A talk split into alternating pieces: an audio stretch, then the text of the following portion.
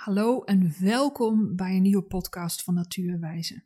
Mijn naam is Aukje Borstokroos en dit is aflevering 4 van de serie Leven in het ritme van de seizoenen.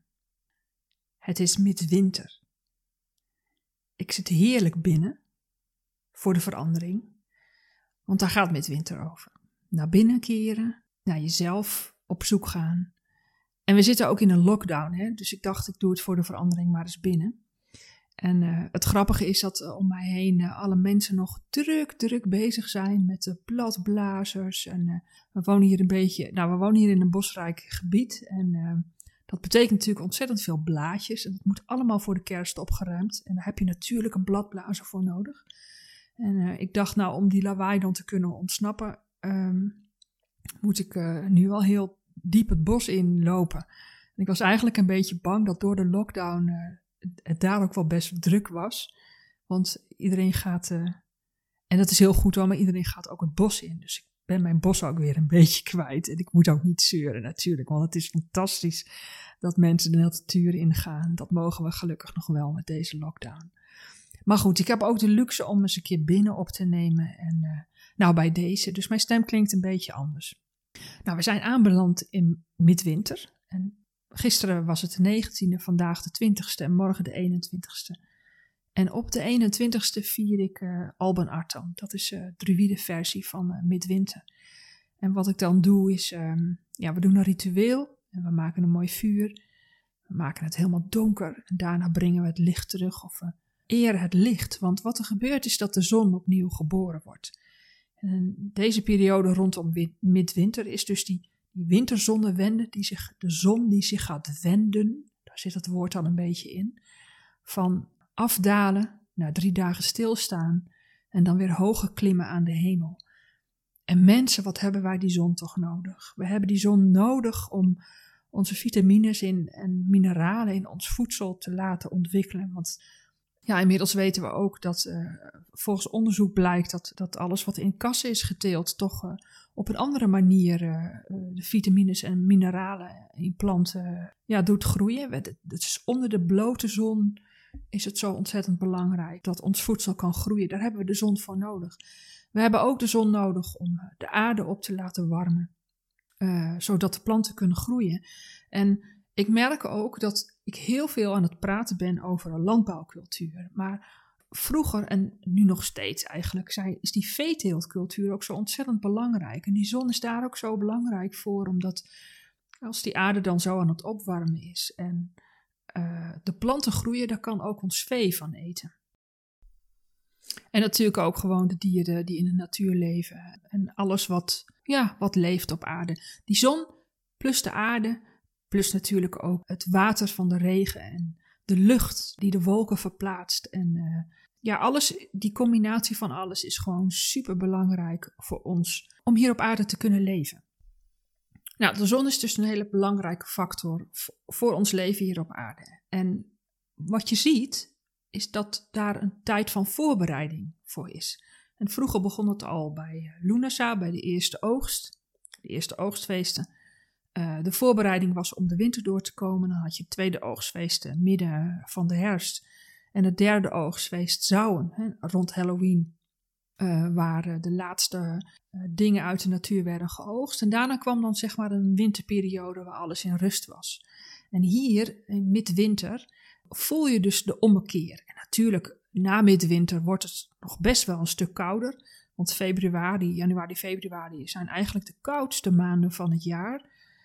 Maar er is een omslag, want de zon gaat klimmen aan de hemel. Die voorbereidingen zie je dus in verschillende religies en stromingen terugkomen. Zo kennen we bijvoorbeeld vanuit de antroposofie, maar ook vanuit de kerk, vanuit het christendom, kennen we de adventsweken.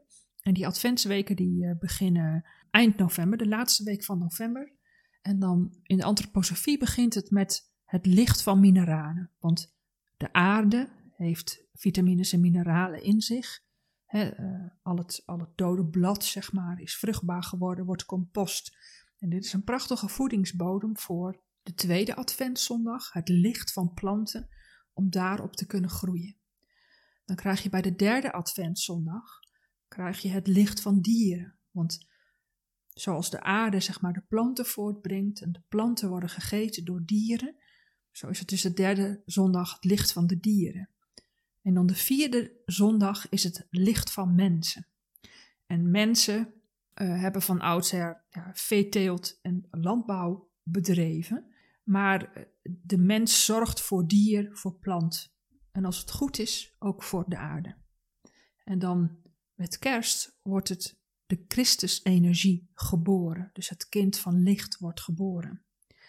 En ik vind dat wel een hele mooie dat als ik dan nu zo naar de adventsweken kijk in de kerk, en hoe ik daarmee opgegroeid ben, is dat ik weet dat uh, de verhalen werden verteld dat, de, dat een engel, Elisabeth, de moeder van Johannes de Doper, kwam vertellen van hé hey joh, je bent zwanger. En nou zeg ik dat gewoon lekker in mijn eigen taal. Maar het is natuurlijk met veel formele woorden. Werd dat gebracht dat Elisabeth zwanger zou zijn. En aan Elisabeth werd dan ook verteld dat, dat haar nicht Maria, dat hij ook een kind zou krijgen.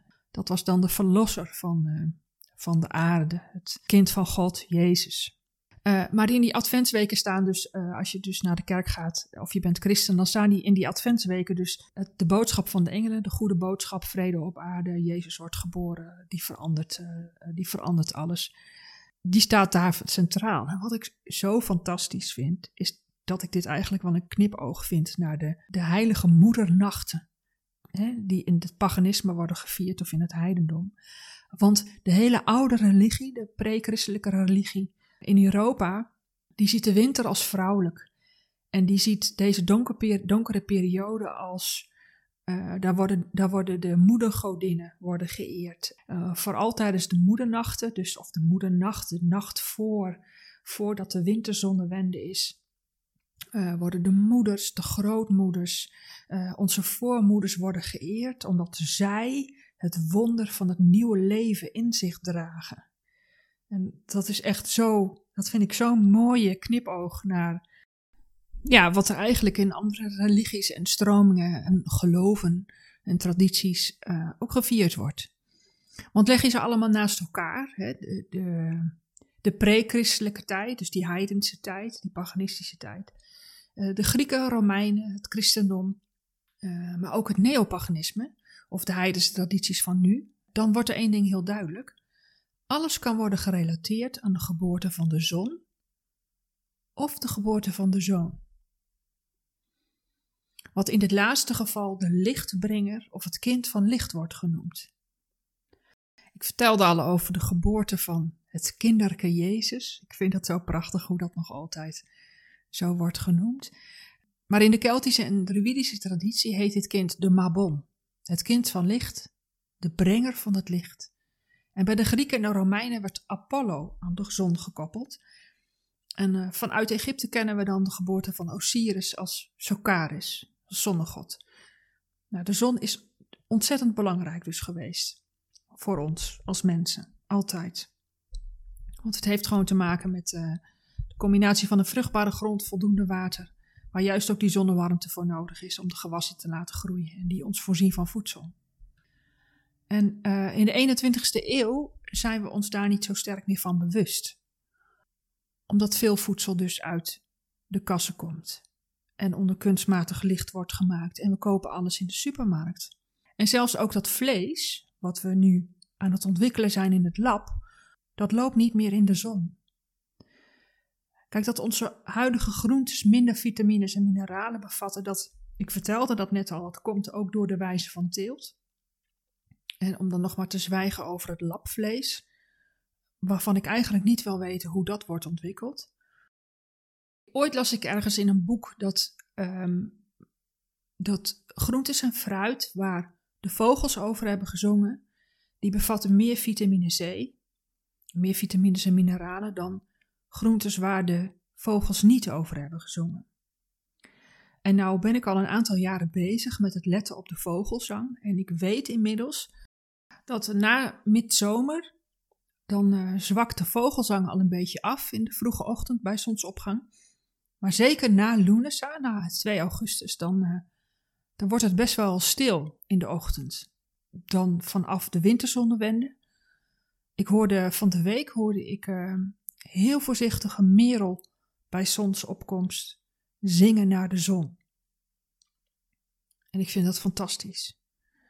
Ik vind dat echt geweldig, dat je dan ochtends wakker wordt met de zang van vogels. En je zal merken dat naarmate we meer in januari komen, dan gaan die vogels ook meer zingen. Dat heeft natuurlijk alles te maken met hun territorium en met de nestenbouw in, uh, in februari waar ze mee beginnen. Maar de zang die neemt alleen maar toe. En dan kun je voor jezelf ook bedenken, als het verhaal klopt, dat groentes en fruit meer vitamines en mineralen bevatten. Wanneer de vogels erover gezongen hebben, dan kun je zelf ook bedenken dat in de winter, wanneer de vogels niet zingen, dat de zon dan niet genoeg kracht heeft om vitamines en mineralen in bijvoorbeeld sla of ik zeg maar wat voor groenten te laten ontwikkelen. Dus daarom vind ik het dus niet fijn om in de winter sla te eten. Maar goed, dit, um, ik vind het dus interessant dat er zoveel dingen samenhangen met de zon. En ik um, snap dan ook wel dat in alle religies en stromingen en wat je dan ook tegenkomt aan uh, spiritualiteit, dat indirect of direct de zon wordt geëerd. Nou, ik vind het wel een mooi moment om, uh, om dan een stukje bewustwording te creëren. Als je nu dit weet, wat, uh, wat de belangrijkheid is van de zon, uh, vruchtbare aarde, zuiver water om van te leven, uh, maar ook zuurstof uh, in plaats van vervuiling. Dat dit dus allemaal belangrijk is voor ons voortbestaan. Vroeger deden ze dat op een hele mooie manier, want hadden ze spiritualiteit geïntegreerd in, in dit hele stuk. En nou, ik vind ook niet dat we terug hoeven naar pre-christelijke tradities. Ik vind dat we, hè, we gaan nu naar een andere tijd waar iedereen uh, zijn eigen waarheid heeft. Dat vind ik wel een mooie. En ik hoop hierbij dat mensen toegaan naar een diepgaande, respectvolle relatie met de natuur. Uh, waar spiritualiteit, hè, jouw eigen spiritualiteit, of je kan het ook, uh, ja, je kan het ook zien als onderdeel worden van, of onderdeel zijn van het grotere geheel. Maar dat we die diepe, respectvolle relatie met de natuur, dat dat eigenlijk naar mijn idee, de enige oplossing is om ons voortbestaan als mens te verzekeren. Dat vind ik wel, uh, dat wil ik je graag meegeven voor deze dagen. Nou, wat is dan die wintertijd? De wintertijd is de tijd waarop het donker is. De zon staat laag aan de hemel. Er is, geen, ja, er is altijd werk te doen, maar er is geen werk op het land. Het land is met rust. We gaan naar binnen, we gaan onze ideeën onderzoeken, we gaan dromen, deze feesten rondom kerst, midwinter. Uh, en dan moet ik even tussendoor vertellen dat waarom is kerst op 25, waarom is midwinter op, uh, op 21 december en waarom is uh, Santa Lucia, Santa Lucia um, op, op 13 december. Nou, dat heeft alles te maken met de kalenders. We hebben heel veel verschillende kalenders gehad. We hadden um, de, de, Romeinse keizers, die mochten allemaal hun eigen kalender naar believen veranderen. We hebben dus heel veel verschillende kalenders gehad. En alles viel eerst dan kennelijk op 25 december. Maar door het aannemen van een nieuwe kalender werden de data verschoven. En die kwamen dan op de 21ste te liggen.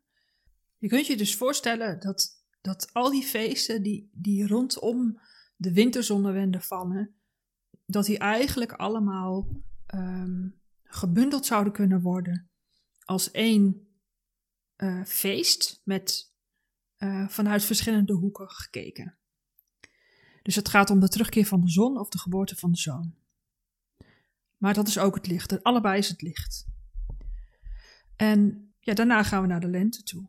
Maar nu eerst midwinter. En wat ik ook wel leuk vind om te vertellen, als je het jaarwiel bekijkt in termen van een dag, hè, dus ja, dan zijn we nu, dan kun je nu stellen dat we bij middernacht zijn aangekomen.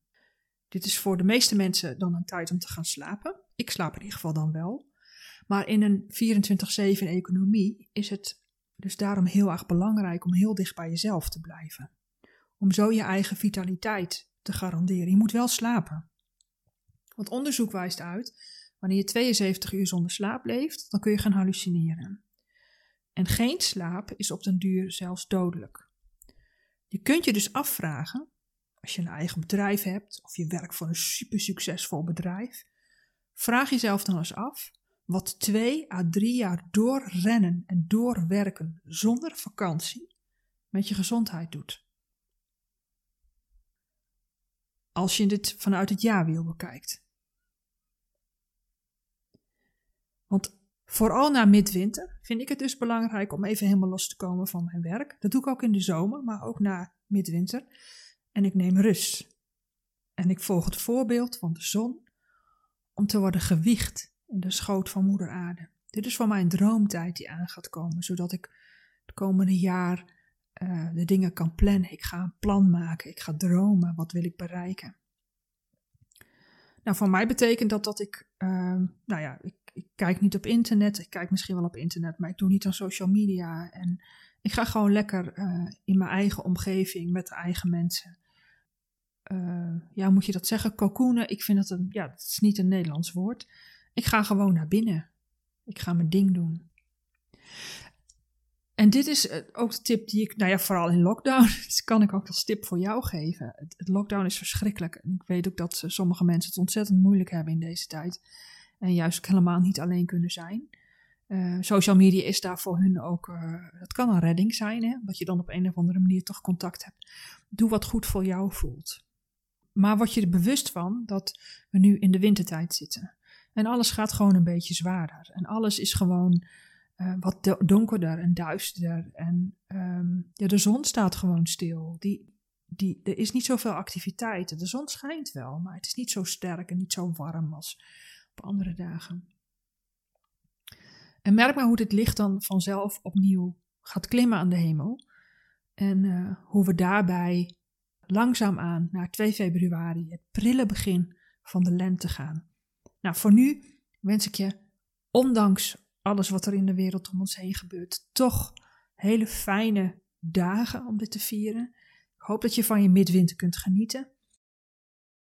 En ik hoop dat je er ook weer bij bent bij mijn volgende uitzending.